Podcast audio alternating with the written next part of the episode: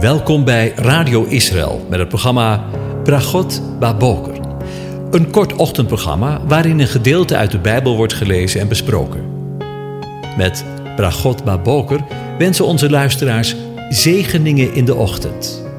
Presentator is Kees van de Vlist.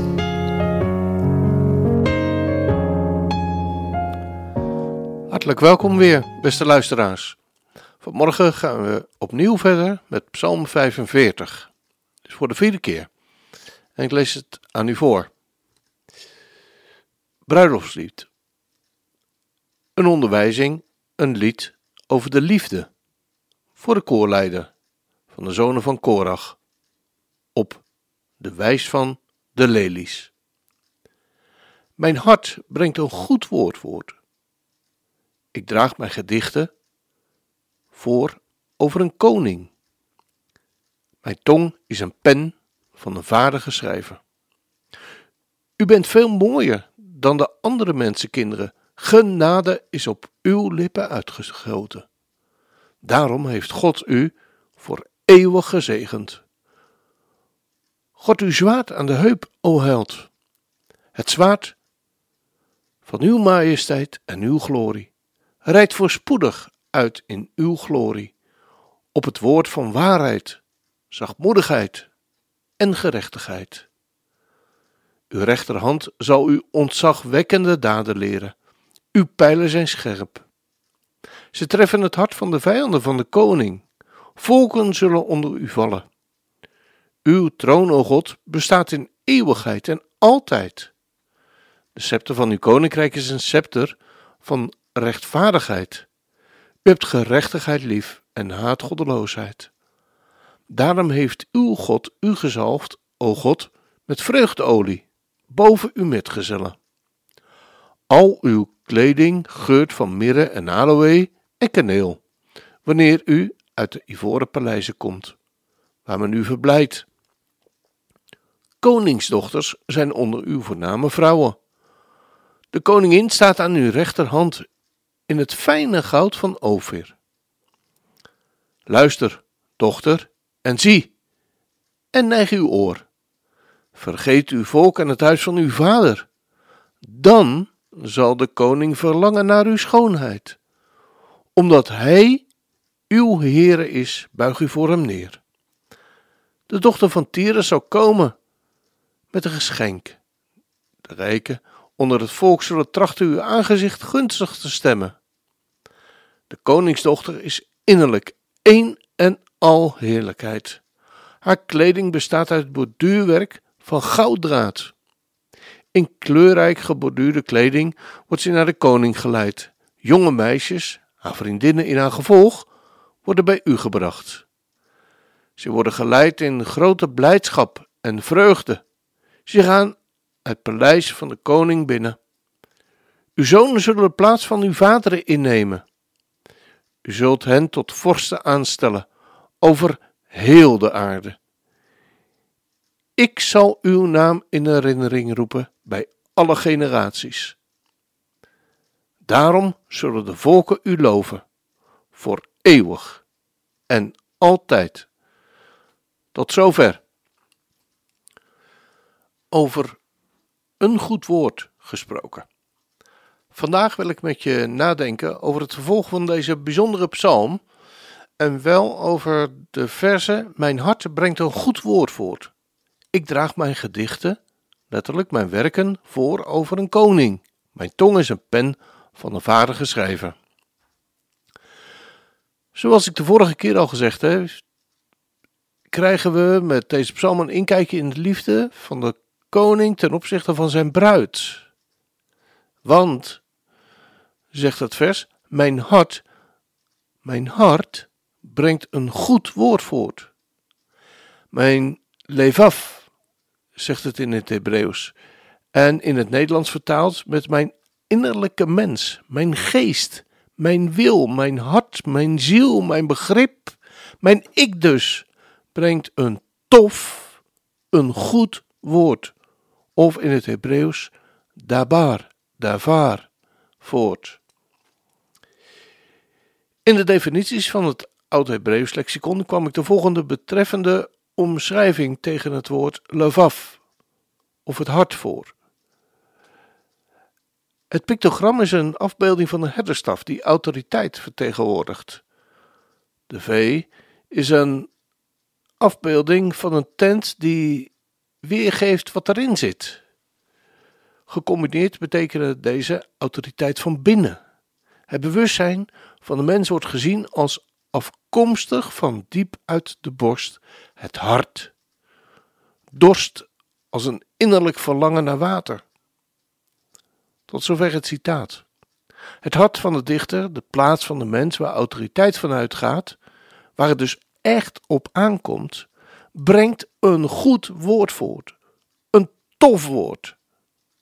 Wat dat woord zal zijn, dat komen we verderop wel in de psalm nog te bespreken.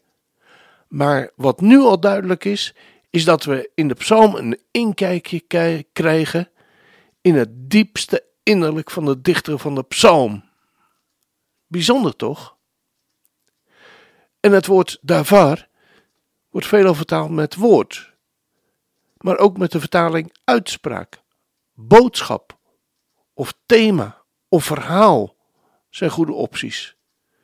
En wat dat verhaal, dat uit het innerlijk van de dichter als een fontein, zoals we eerder gezien hebben, opborrelt, willen we in deze psalm verder gaan ontdekken. Maar het maakt me nu al nieuwsgierig. Ik draag mijn gedichten, zegt de dichter, letterlijk mijn werken voor over een koning. Letterlijk zegt de dichter, ik draag mijn werk op aan een koning. Dit was de algemene gewoonte van de dichters in die omgeving en in die tijd. Ze herhaalden hun werken voor de vorsten en vooral die werken waarin ze er direct of een compliment was voor de vorst. De gewoonte was dat wanneer de woorden van de dichter de vorst bevielen, zij daar rijkelijk voor werden beloond. En de dichter probeerde dus op onafvolgbare wijze de grootheid van de koning tot uitdrukking te brengen om hem daarmee te behagen. Mijn tong is de pen van een vaardige schrijver, of zoals de Hebreeuwse tekst zegt, kant- en klare schrijver. De vaardige schrijver is de kant-en-klare schrijver. Het gedicht wordt gecomponeerd zonder dat er een pen aan te pas komt.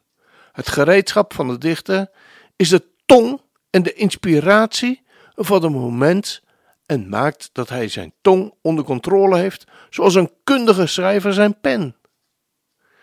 De dichter heeft waarschijnlijk niet alleen letterlijk aan het lichaamsdeel van de tong gedacht, maar het Hebreeuwse woord voor tong kan e-, eveneens taal betekenen. Maar bijvoorbeeld ook aan het denken achter het vormen van de woorden. Het overdenken van de woorden dus. Over de tong wordt in het woord van God uitgebreid gesproken. Maar weinig onderwerpen worden zo in de Bijbel zo veelvuldig genoemd als ons spreken. Iedere concordantie staat vol met verwijzingen naar de mond, de tong, het spreken en de lippen. En het is ook niet verwonderlijk, want dood en leven zijn in de macht van de tong. De tong is een scherpe kracht, maar ook een vuur dat relaties en reputaties kan verteren. Ik heb er behoefte aan om een gedeelte dat over de tong spreekt uit Filippenzen 2 deze aflevering te sluiten. Als er dan enige bemoediging is in Christus, als er enige troost is in de liefde, als er enige gemeenschap is van de geest, als er enige innige gevoelens en ontfermingen zijn, maak dan mijn blijdschap volkomen, doordat u eensgezind bent, dezelfde liefde hebt, één van ziel bent en één van gevoelen. Doe niets uit eigen belang of eigendunk, maar laat in nederigheid de een de ander voortreffelijker achter dan zichzelf. Laat een ieder niet alleen oog hebben voor wat van hemzelf is, maar laat een ieder ook oog hebben voor wat van anderen is. Laat daarom die gezindheid in u zijn die ook in Christus Jezus was, die, terwijl hij in de gestalte van God was, het niet als roof beschouwd heeft aan God gelijk te zijn, maar heeft zichzelf ontledigd door de gestalte van een slaaf, een dienaar, aan te nemen en aan de mensen gelijk te worden. En in de gedaante van een mens bevonden, heeft hij zichzelf vernederd en is gehoorzaam geworden tot de dood. Ja, tot de kruisdood. Daarom heeft God hem ook bovenmate verhoogd en heeft hem een naam geschonken boven alle naam. Opdat in de naam van Jezus zou buigen elke knie. Elke knie. Van hen die in de hemel en die op de aarde zijn en die onder de aarde zijn. En, let op, en elke tong, elke tong zou beleiden dat Jezus Christus de Heer is, tot heerlijkheid van God de Vader. We gaan luisteren naar een voor de hand liggend lied uit opwekking 454. Zegen, aanbidding, kracht, overwinning. Ere, zij de eeuwige God. Laat elke knie, elke creatie buigen voor de eeuwige God. Elke tong in de hemel, op aard, zal uw macht beleiden.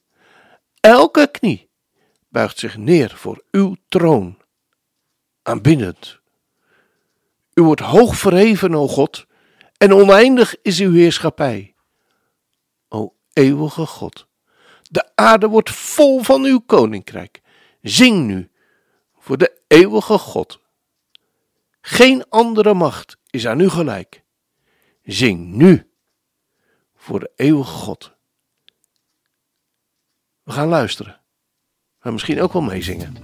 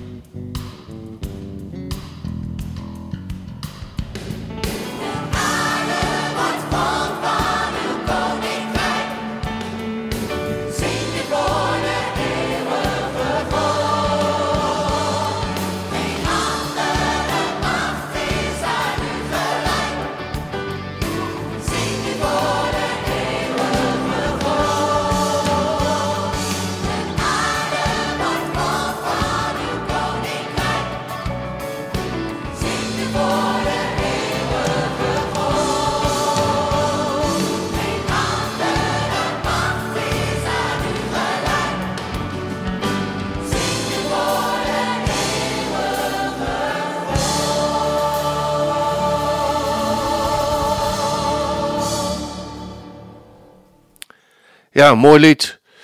En ik weet niet hoe het met jou is, maar ik kan er soms ook zo naar verlangen dat de aarde vol wordt van zijn koninkrijk. juist ook in deze, in deze coronatijd, waarin de leugen regeert om ons heen en waarin we niet meer weten wat waarheid is en wat niet. Wat kunnen we er dan soms uh, naar uitzien? Dat de aarde vol wordt van zijn koninkrijk. Nu is het nog niet zover. Maar we kunnen er wel van zingen voor de eeuwige God. Want er is geen andere macht aan hem gelijk. Zing nu voor de eeuwige God. Ik wens je een van God gezegende dag toe.